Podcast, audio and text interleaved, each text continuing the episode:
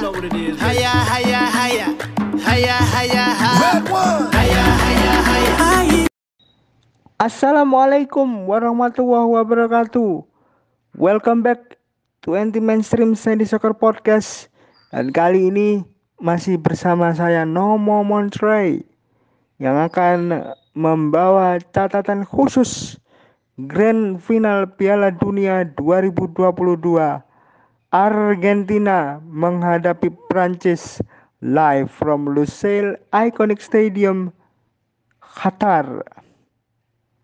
Sebelum memulai materi kali ini, izinkan Nomo mewakili tim kreatif yang bertugas sekali lagi mengucapkan rest in peace dan rest in pride untuk Sinisa Mihailovic yang wafat berpulang pada hari Jumat malam sekitar pukul 21.15. Sang pemilik tendangan kaki kiri itu sekarang sudah abadi di alamnya. Tuhan yang menjaga, semoga keluarga yang ditinggalkan diberikan kesabaran, penghiburan dan ketabahan. Oke. Balik ke final Piala Dunia. Kita akan segera mengupas apa saja sejarah, catatan data statistik dan juga histori untuk kedua negara yang terjadi di final Piala Dunia. Mengingat kedua grand finalis ini untuk kesekian kalinya merasakan kembali final Piala Dunia, terutama untuk Prancis yang akhirnya kembali lagi ke final setelah empat tahun lalu mereka berhasil menjadi juara. Ada sejarah tersendiri yang sudah menanti mereka. Seperti apa? Stay tune di Anti Mainstream Sandy Soccer Podcast. Sebelum kita ke catatan data dan fakta Argentina menghadapi Prancis, terlebih dahulu kita akan melihat bagaimana catatan data dan fakta Grand Final Piala Dunia secara keseluruhan. Grand Final Piala Dunia tahun ini merupakan edisi yang ke-22 sepanjang sejarah sejak pertama kali Piala Dunia digelar tahun 1930.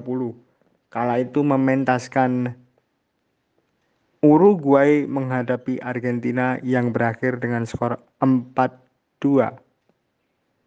Dan kalau bicara mengenai final Piala Dunia, negara yang masih menjadi yang terbanyak adalah Brazil. Masih dengan lima trofinya, masih dengan lima bintangnya. Menjadi yang terbaik untuk saat ini. Jika dihitung, total ada 77 gol yang sudah tercipta di Grand Final Piala Dunia sejak 1930 sampai 2018 yang lalu. Dan jika berbicara tentang jumlah gol di final Piala Dunia, pasti ada teman-teman yang bertanya, apakah ada final Piala Dunia dengan situasi banyak gol?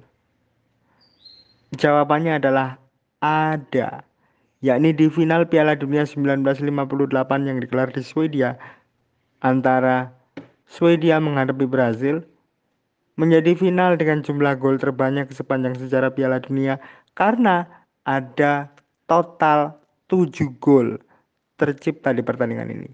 Swedia 2, Brazil 5. Kemudian ada catatan unik lain yang muncul di final Piala Dunia, yakni skor 4-2 yang tadi sudah saya sebutkan di awal ketika Uruguay menjadi juara dunia pertama mengalahkan Argentina di tahun 1930 itu bukan hanya satu kali terjadi. Tercatat skor 4-2 menjadi hasil akhir yang paling sering muncul, paling banyak muncul di final Piala Dunia.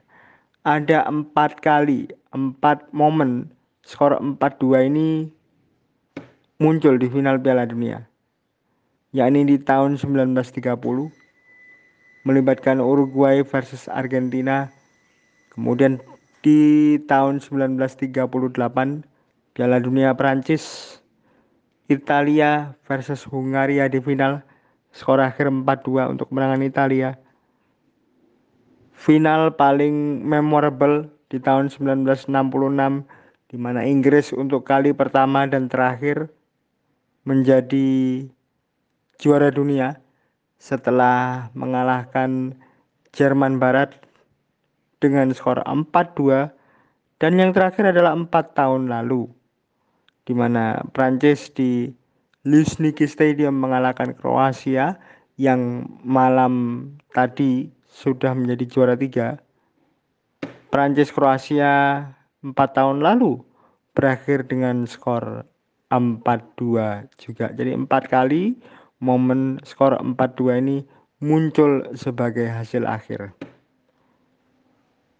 Jika kita bicara mengenai final Piala Dunia, tentu ada tiga rincian hasil. Waktu normal 90 menit atau regular time, kemudian extra time 2 kali 15 menit dan penalti shootout. Nah, sepanjang sejarah final Piala Dunia dari 21 kesempatan sebelumnya. 14 game diselesaikan dengan waktu normal 90 menit atau regular time. Dua pertandingan diselesaikan lewat adu penalti dan lima sisanya diselesaikan lewat extra time. Dari rincian ini ada yang menarik ada sebuah hal menarik di mana dua momen adu penalti yang terjadi di Piala Dunia semuanya melibatkan timnas Italia. Sekali lagi, dua momen adu penalti yang terjadi di final Piala Dunia semuanya melibatkan tim nasional Italia. Masing-masing di tahun 1994 di Rose Bowl Pasadena Amerika Serikat dan 2006 saat Piala Dunia digelar di Jerman. Final waktu itu digelar di Olympia Stadion Berlin.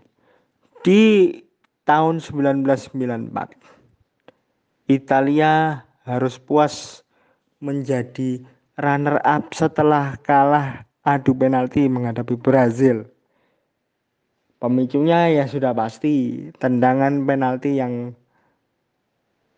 melambung jauh yang dilakukan oleh Roberto Baggio. Kemudian di 2006 Italia memiliki cerita yang berbeda. Bermain imbang satu-satu menghadapi Prancis bahkan sempat tertinggal terlebih dahulu karena eksekusi penalti dari Zinedine Zidane pada akhirnya, Italia berhasil menjadi juara dunia setelah mengalahkan Prancis lewat adu penalti di mana saat itu lima eksekutor utama dari Italia melakukan tugas dengan sempurna. Nah, teman-teman ini ada satu catatan sensasional yang menanti pencetak gol pembuka di final Piala Dunia tahun ini. Pencetak gol pembuka di final Piala Dunia tahun ini di grand final nanti akan masuk ke dalam buku sejarah sebagai pencetak gol ke 167 di Piala Dunia tahun ini pencetak gol ke-78 di final Piala Dunia sepanjang sejarah. Dan yang terpenting lagi adalah pencetak gol ke 2716 sepanjang sejarah Piala Dunia secara keseluruhan. Jadi angka angkanya macam-macam nih. 167 karena di akhir laga yang berlangsung tadi malam di Khalifa International Stadium skor 2-1 itu membuat jumlah gol di Piala Dunia sudah mencapai 166. Kemudian finalnya untuk final sendiri sudah ada 77 gol. Dan sepanjang sejarah Piala Dunia berkat tiga gol yang terjadi tadi malam jumlah gol di histori Piala Dunia adalah 2715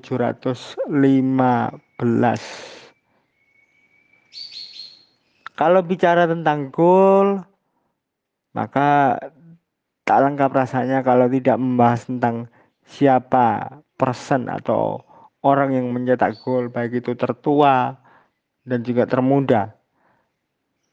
Nah, uniknya teman-teman yang masih setia mendengarkan nomor sini, pencetak gol termuda dan tertua di Grand Final Piala Dunia semuanya tercipta di tahun 1958 dalam satu edisi yang sama. Pencetak gol termuda diraih oleh Pele yang ketika itu masih berusia 17 tahun 249 hari teman-teman. Sedangkan yang tertua pemain tertua yang mencetak gol di laga final Piala Dunia adalah Niels Lidholm dari Swedia dengan usia 35 tahun 264 hari saat mereka menghadapi Brazil di final Piala Dunia 1958. Lalu kalau bicara pencetak gol, ada juga gol tercepat sepanjang sejarah final Piala Dunia. Ya, kalau yang tercepat secara keseluruhan di turnamen ada Hakan Syukur 11 detik dari Turki saat bertemu Korea Selatan di tahun 2002. Tapi untuk final, pencetak gol tercepat di final Piala Dunia dicatatkan oleh pemain asal Belanda bernama Johan Niskens di detik ke-90 pada saat Belanda menghadapi Jerman Barat di final Piala Dunia 1974 lewat eksekusi tendangan penalti. Teman-teman masih menyaksikan dan mendengarkan catatan khusus final Piala Dunia di Anti Mainstream Sandy Soccer Podcast.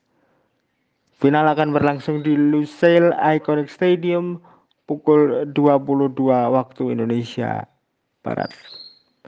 Kita lanjutkan catatan data dan fakta Piala Dunia.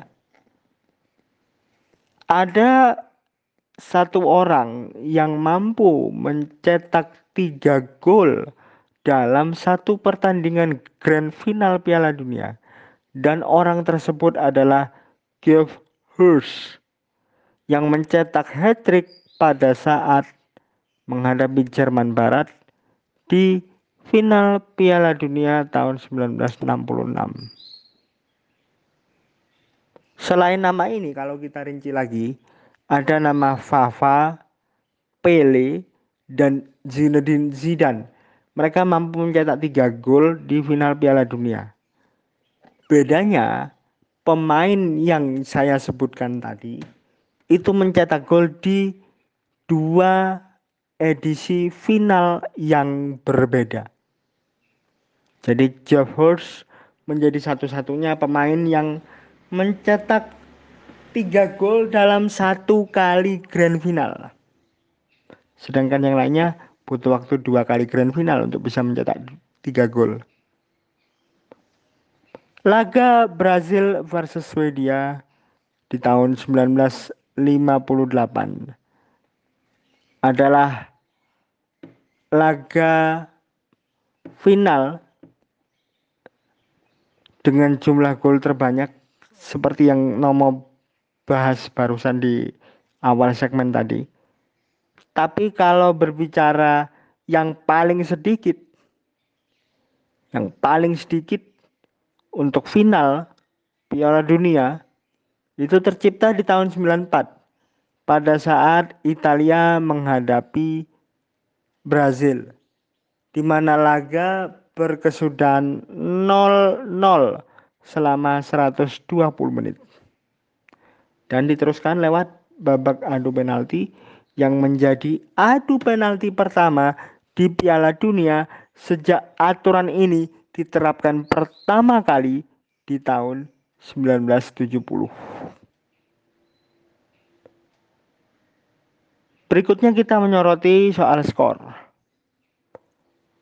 Skor-skor di Piala Dunia ada yang tipis, ada yang tebal, ada yang kecil, ada yang besar. Nah, kalau bicara kecil dan besarnya skor, maka harus mengarah ke margin goal. Sepanjang sejarah final Piala Dunia, tiga merupakan margin yang terbesar yang didapat oleh sebuah tim saat memenangkan pertandingan final Piala Dunia dan menjadi juara. Margin 3 itu ada di laga Brazil versus Swedia di tahun 1958. Kemudian Brazil versus Italia di tahun 1970 dan Prancis menghadapi Brazil di tahun 1998. Jadi semuanya angka 3 ini momen margin 3 adalah momen margin yang dihadapi oleh timnas Brazil dengan kondisi yang berbeda. Untuk teman-teman ketahui bahwa trofi Piala Dunia yang dipakai ini sudah masuk ke trofi yang baru ya. Di mana trofi berwujud dua manusia menggenggam bola dunia atau bumi ini sudah dipakai sejak Piala Dunia Jerman Barat tahun 1974.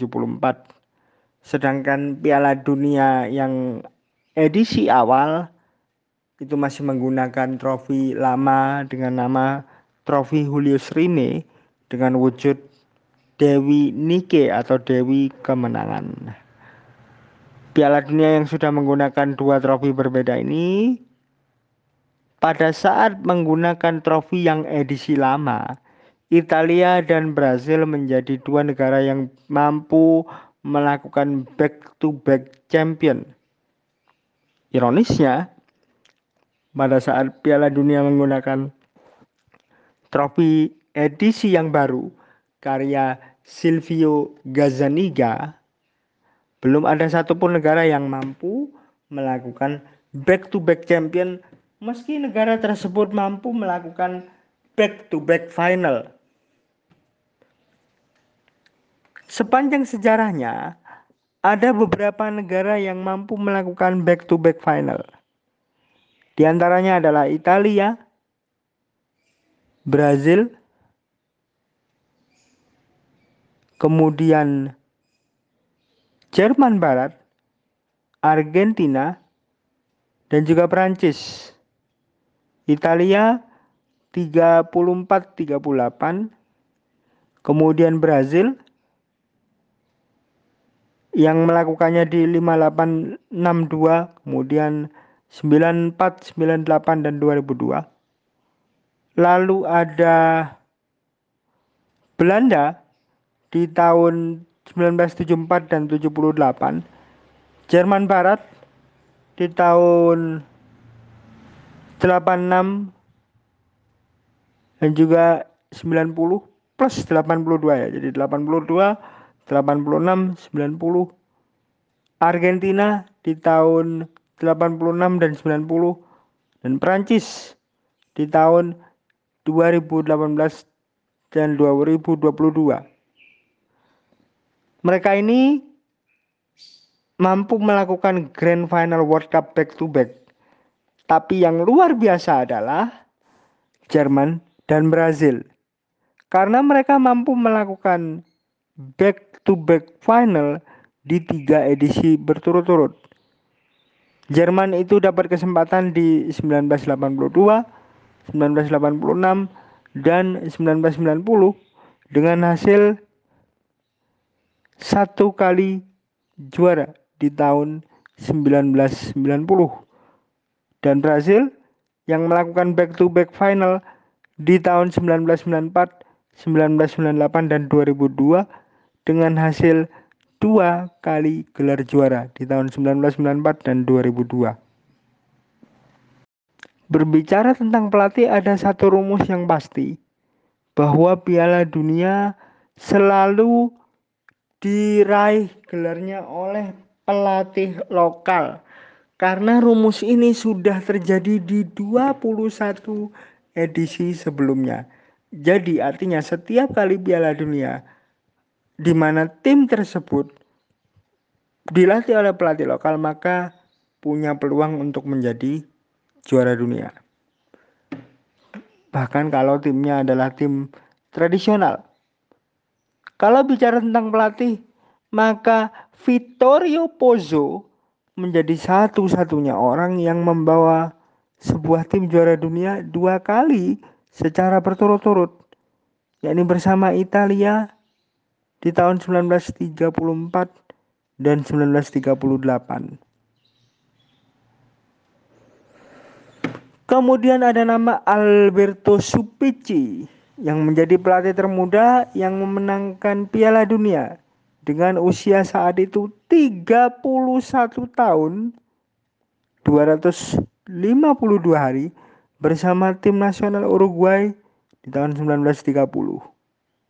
Sedangkan pelatih tertua yang mampu membawa sebuah tim juara dunia adalah Vicente del Bosque bersama Spanyol di tahun 2010 dengan usia 59 tahun 200 hari.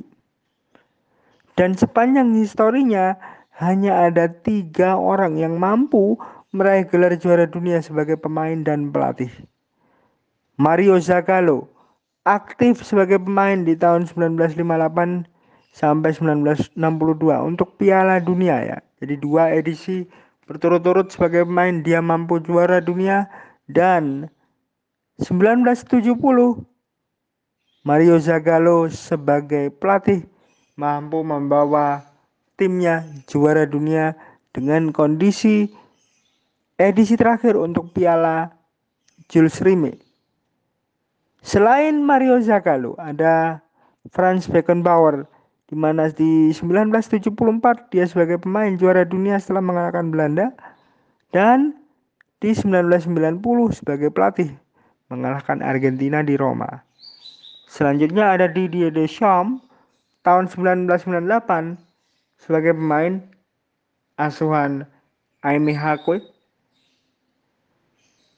di tahun 2018 atau 20 tahun setelahnya dia mampu membawa Kylian Mbappe dan juga semua anggota timnas Prancis Piala Dunia 2018 sebagai juara setelah mengalahkan Kroasia di Luzhniki. Total jika kita bicara pemain yang sudah memenangkan trofi Piala Dunia bersama dengan tim nasionalnya ada 445 orang. Tetapi uniknya tidak ada pemain yang memenangkan dua Piala Dunia secara beruntun dengan status sebagai kapten tim. Justru yang terjadi adalah di luar kapten tim ya. Dua dua gelar di luar kapten tim. Pele menjadi pemain dengan koleksi Piala Dunia terbanyak tiga kali. Dan Pele juga menjadi pemain termuda sepanjang sejarah Piala Dunia yang tampil ketika itu di final dengan usia 17 tahun 249 hari. Sedangkan yang tertua yang tampil di final Piala Dunia gelar itu diraih oleh Dino Zoff yang tampil di final Piala Dunia 1982 saat Italia bertemu Jerman Barat usianya saat itu 40 tahun 133 hari.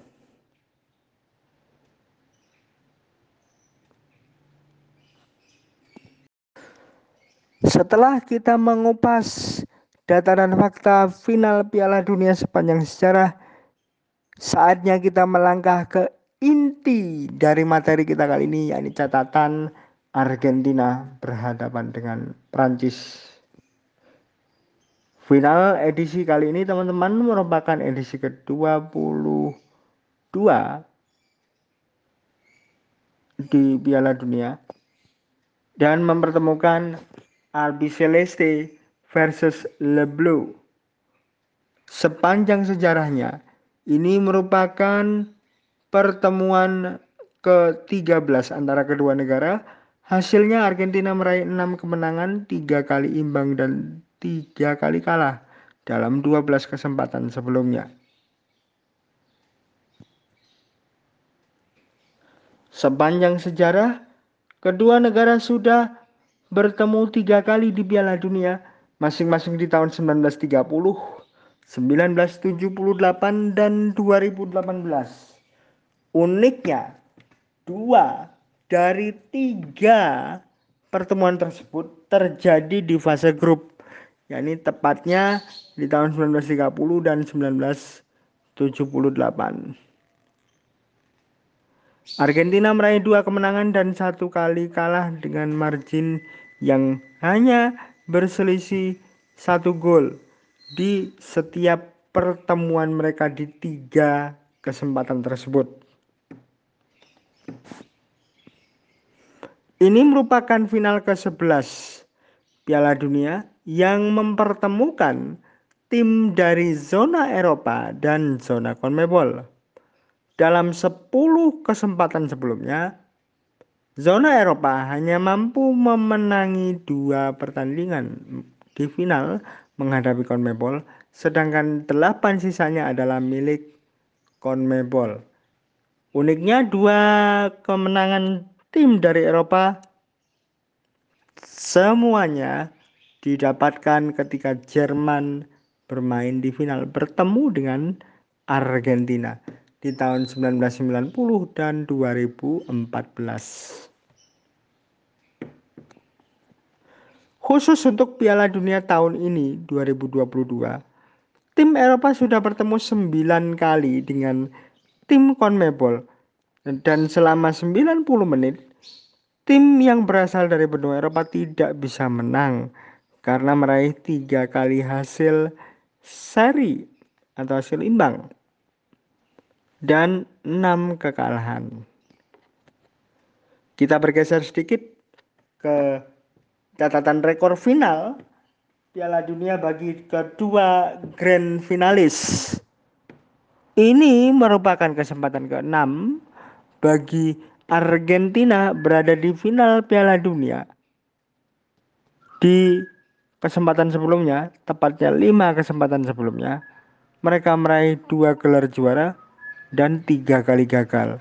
Sedangkan bagi Prancis, ini merupakan kesempatan keempat mereka berada di final Piala Dunia dengan rekor dua kali juara dan satu kali gagal. Dalam lima kesempatan grand final sebelumnya, tiga kali Argentina mengakhiri laga dengan waktu normal 90 menit. Dua kali mereka mengakhiri laga dengan extra time. Waktu 90 menit didapat ketika Argentina kalah dari Uruguay 4-2 di tahun 1930. Argentina menang dari Jerman Barat 4-2 di tahun 1986 dan Argentina kalah dari Jerman Barat 4 tahun setelahnya di Roma dengan skor 1-0. Sedangkan extra time didapat ketika Argentina menang 3-1 atas Belanda di tahun 1978 sebagai tuan rumah dan tahun 2014 ketika Argentina kalah dari Jerman 1-0 di Maracana Stadium. Sedangkan bagi Prancis dalam tiga kesempatan grand final sebelumnya, dua kali mereka selesaikan dalam waktu normal dan satu kali mereka menyelesaikan laga dengan adu penalti.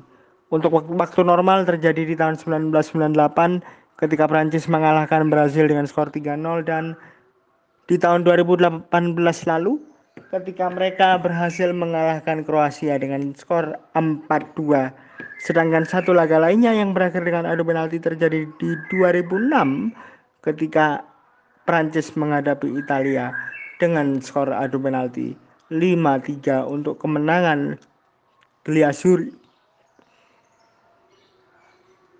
Ini menjadi saat di mana kedua negara mengincar gelar ketiga untuk koleksi Piala Dunia mereka. Dan kita akan lihat ya bagaimana perjalanan Argentina dalam melakoni pertandingan Piala Dunia 2022 ini. Di awal kita sempat dikejutkan dengan kekalahan Argentina dari Saudi Arabia 1-2 tetapi berhasil bangkit mencetak skor 2-0 ketika menghadapi Meksiko dan Polandia. Di babak 16 besar mereka mencetak dua gol lagi saat bertemu Australia bedanya kali ini mereka kebobolan ya karena skor akhir 2-1 kemudian di babak perempat final atau quarter final. Di quarter final Argentina bisa mengalahkan Belanda. Di sini yang unik ya teman-teman. Pada saat Argentina mengalahkan Belanda, mereka unggul terlebih dahulu dua gol, tapi disamakan posisinya dua-dua dan memaksa laga ini harus ditentukan lewat adu penalti. Setelah extra time hasil akhirnya juga tetap sama dua-dua. Baru di semifinal Argentina menunjukkan kapasitasnya setelah mengalahkan Kroasia dengan skor 3-0. Bagaimana dengan Prancis? Prancis mengawali laga dengan sangat baik karena menang 4-1 dari Australia, kemudian menang 2-1 menghadapi Denmark dan kalah secara mengejutkan 1-0 dari Tunisia. Di 16 besar mereka bertemu Polandia dan menang 3-1. Kemudian di quarter final mereka menang menghadapi Inggris dengan skor 2-1 dan di semifinal kemarin mereka mampu mengalahkan tim kejutan Maroko dengan skor 2-0.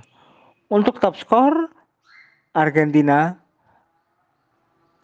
masih memiliki nama Lionel Messi sebagai top skor Piala Dunia dengan total 5 gol untuk tahun ini.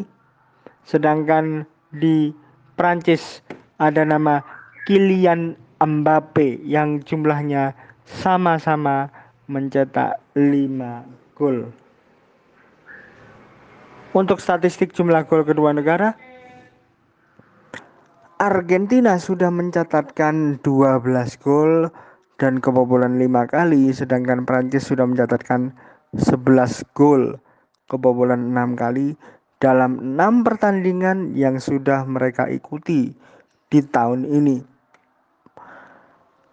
Data ini jelas menggambarkan bahwa pertahanan Prancis setidaknya selalu kebobolan satu gol setiap satu pertandingan di Piala Dunia. Dalam dua pertemuan Argentina dan Prancis ada sebuah rumus. Jika salah satu dari kedua negara ini saling mengalahkan, di pertandingan Piala Dunia di luar grand final, maka tim yang mengalahkan tersebut yang menjadi juara. Pembuktian faktanya adalah sebagai berikut. Di tahun 1978, Argentina mengalahkan Prancis 2-1 babak grup ya di babak awal. Dan hasil akhirnya Argentina melaju ke final dan mengalahkan Belanda dengan skor 3-1 di final dan menjadi juara dunia. Eranya Mario Kempes, eranya Daniel Pasarella. Sedangkan di tahun 2018 fase 16 besar atau top 16 kita menyebutnya Argentina kalah dari Prancis 3-4 dan hasil akhirnya Prancis menjadi juara setelah mengalahkan Kroasia dengan skor 4-2 di final. Apakah rumus ini akan terulang? Karena jelas siapa pun yang memenangkan langsung akan meraih trofi seharga 20 juta dolar yang sudah terpajang ketika upacara penutupan berlangsung. Teman-teman masih menyaksikan materi eksklusif yang ada di Anti Mainstream Sandy Soccer Podcast catatan final Argentina menghadapi Prancis. Kita lanjutkan Selama tahun 2022, Argentina sudah melakoni 14 game internasional sejak awal tahun hingga semifinal Piala Dunia tahun ini. Hasilnya mereka meraih 13 kemenangan, dua hasil imbang dan kalah satu kali, di mana satu-satunya kekalahan itu terjadi pada saat menghadapi Saudi Arabia. Total, mereka sudah mencatatkan 40 gol dan hanya kebobolan 7 gol saja.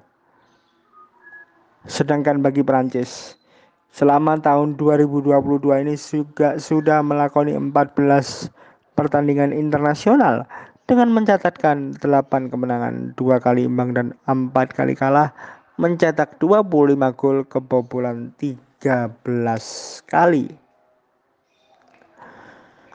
Laga final nanti merupakan pertemuan perdana bagi seorang Lionel Scaloni dan Didier Deschamps. Tapi bagi Deschamps, dia sudah bertemu Argentina 4 tahun lalu dan hasilnya Prancis menang dengan skor 3-4. Saat itu pelatih Argentina yang menjabat adalah Jorge Sampaoli. Untuk wasit yang memimpin laga ini adalah Simon Marciniak asal Polandia. Wasit ini merupakan wasit Polandia pertama yang memimpin laga final Piala Dunia dan sudah pernah terlibat dalam laga-laga yang menghadirkan kedua grand finalis. Untuk Argentina, wasit ini sudah memimpin dua laga. Hasilnya Argentina meraih satu kali imbang dan satu kali kemenangan. Satu kali hasil imbang didapat ketika Argentina menemui Islandia empat tahun lalu dan kemenangan didapat ketika 16 besar bertemu dengan Australia dengan skor 2-1. Sedangkan bagi Prancis untuk Simon Marciniak sudah terlibat satu kali di game yang melibatkan Leblo di mana Prancis menang dengan skor 2-1 saat menghadapi Denmark di fase grup Piala Dunia 2022. Ada satu hal yang menarik teman-teman bahwa Siapa pun yang menjadi pemenang laga ini tidak hanya menjadi juara dunia saja dan mengangkat trofi saja, tetapi ada kemungkinan untuk menjadi tim terbaik di ranking FIFA. Karena tim Sandy Soccer Anti Mainstream Podcast baru saja menghitung bagaimana poin yang akan didapat oleh sebuah tim jika menjadi juara dunia. Bagaimana dampaknya untuk ranking FIFA? Ini sifatnya masih estimasi. Ya, dan berikut ini adalah pemaparannya. Estimasi ranking FIFA kedua negara. Karena harus teman-teman ketahui bobot final Piala Dunia atau grand final Piala Dunia untuk ranking FIFA itu adalah 60 basis point. Maka estimasi ranking FIFA bagi kedua negara rinciannya adalah sebagai berikut. Argentina bekal poin yang didapat sebelum game grand final nanti malam adalah 1823,43. Sekali lagi Argentina poinnya 1823,43. Sedangkan Prancis adalah 1823,46. Permutasinya akan seperti ini. Jika Argentina menang dalam waktu normal, maka mereka akan mendapatkan total poin 1853,43.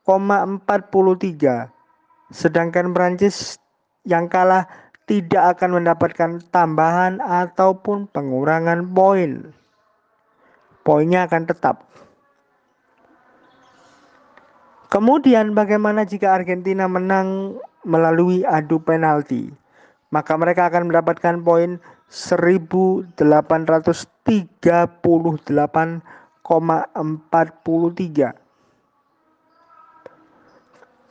Lalu bagaimana jika tim ayam jantan yang menang? Jika Perancis yang memenangkan pertandingan dalam waktu normal, maka mereka akan mendapatkan poin 1853,46 Sedangkan jika mereka meraih gelar juara setelah melewati adu penalti, maka dampaknya di ranking FIFA Prancis mendapatkan jumlah poin sebesar 1838,46.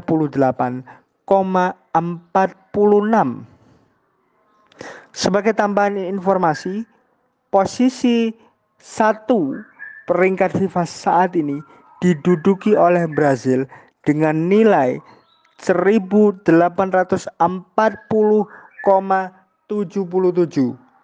Maka dengan angka ini sudah ada kemungkinan jika salah satu dari kedua grand finalis ini memenangkan pertandingan Piala Dunia dalam waktu normal selama 90 menit estimasinya sekali lagi estimasinya sang pemenang akan menempati posisi satu dunia menggeser Brazil. Karena secara poin jelas unggul di angka 1853 tinggal komanya saja yang membedakan. Tetapi jika salah satu dari kedua negara ini memenangkan laga lewat penalti shootout maka tambahan yang diterima hanya berkisar di angka 1838,43 untuk Argentina dan 1838,46 untuk Prancis. Penyebabnya apa? Karena adu penalti di laga ini hanya memiliki jumlah poin 15 15 poin saja yang mereka bisa dapatkan dengan total bobot poin final Piala Dunia berjumlah 60 dan formula perumusan yang hanya diketahui oleh FIFA estimasinya jika Argentina atau Prancis yang memenangkan laga lewat adu penalti maka akan hanya mendapatkan 15 poin saja. Pengaruhnya adalah kalau memenangkan laga dengan adu penalti baik Argentina maupun Prancis tidak mampu, masih belum mampu menggeser Brazil di puncak klasmen ranking FIFA dan otomatis Brazil dinobatkan sebagai tim terbaik FIFA tahun 2022. Ini masih estimasi karena rilis resminya akan dirilis pada tanggal 22 Desember mendatang. Tepatnya sore hari waktu Indonesia Barat. Itu yang bisa saya sampaikan hari ini. Terima kasih sudah mendengarkan catatan Piala Dunia yang di-share oleh Anti Mainstream Sandy Soccer Podcast sejak sebelum turnamen dimulai kita sudah memberikan segmen World Cup Traveling ada delapan stadion dan lima kota di Qatar yang sudah kita bahas sejarah dari bola resmi Piala Dunia lewat special English content dan pertandingan preview preview sejak fase grup hingga grand final Piala Dunia 2022. Terima kasih sudah mendengarkan kami. Kami harap Anda selalu sehat sehingga kita bisa berjumpa lagi di Piala Dunia 2026 dengan suasana dan format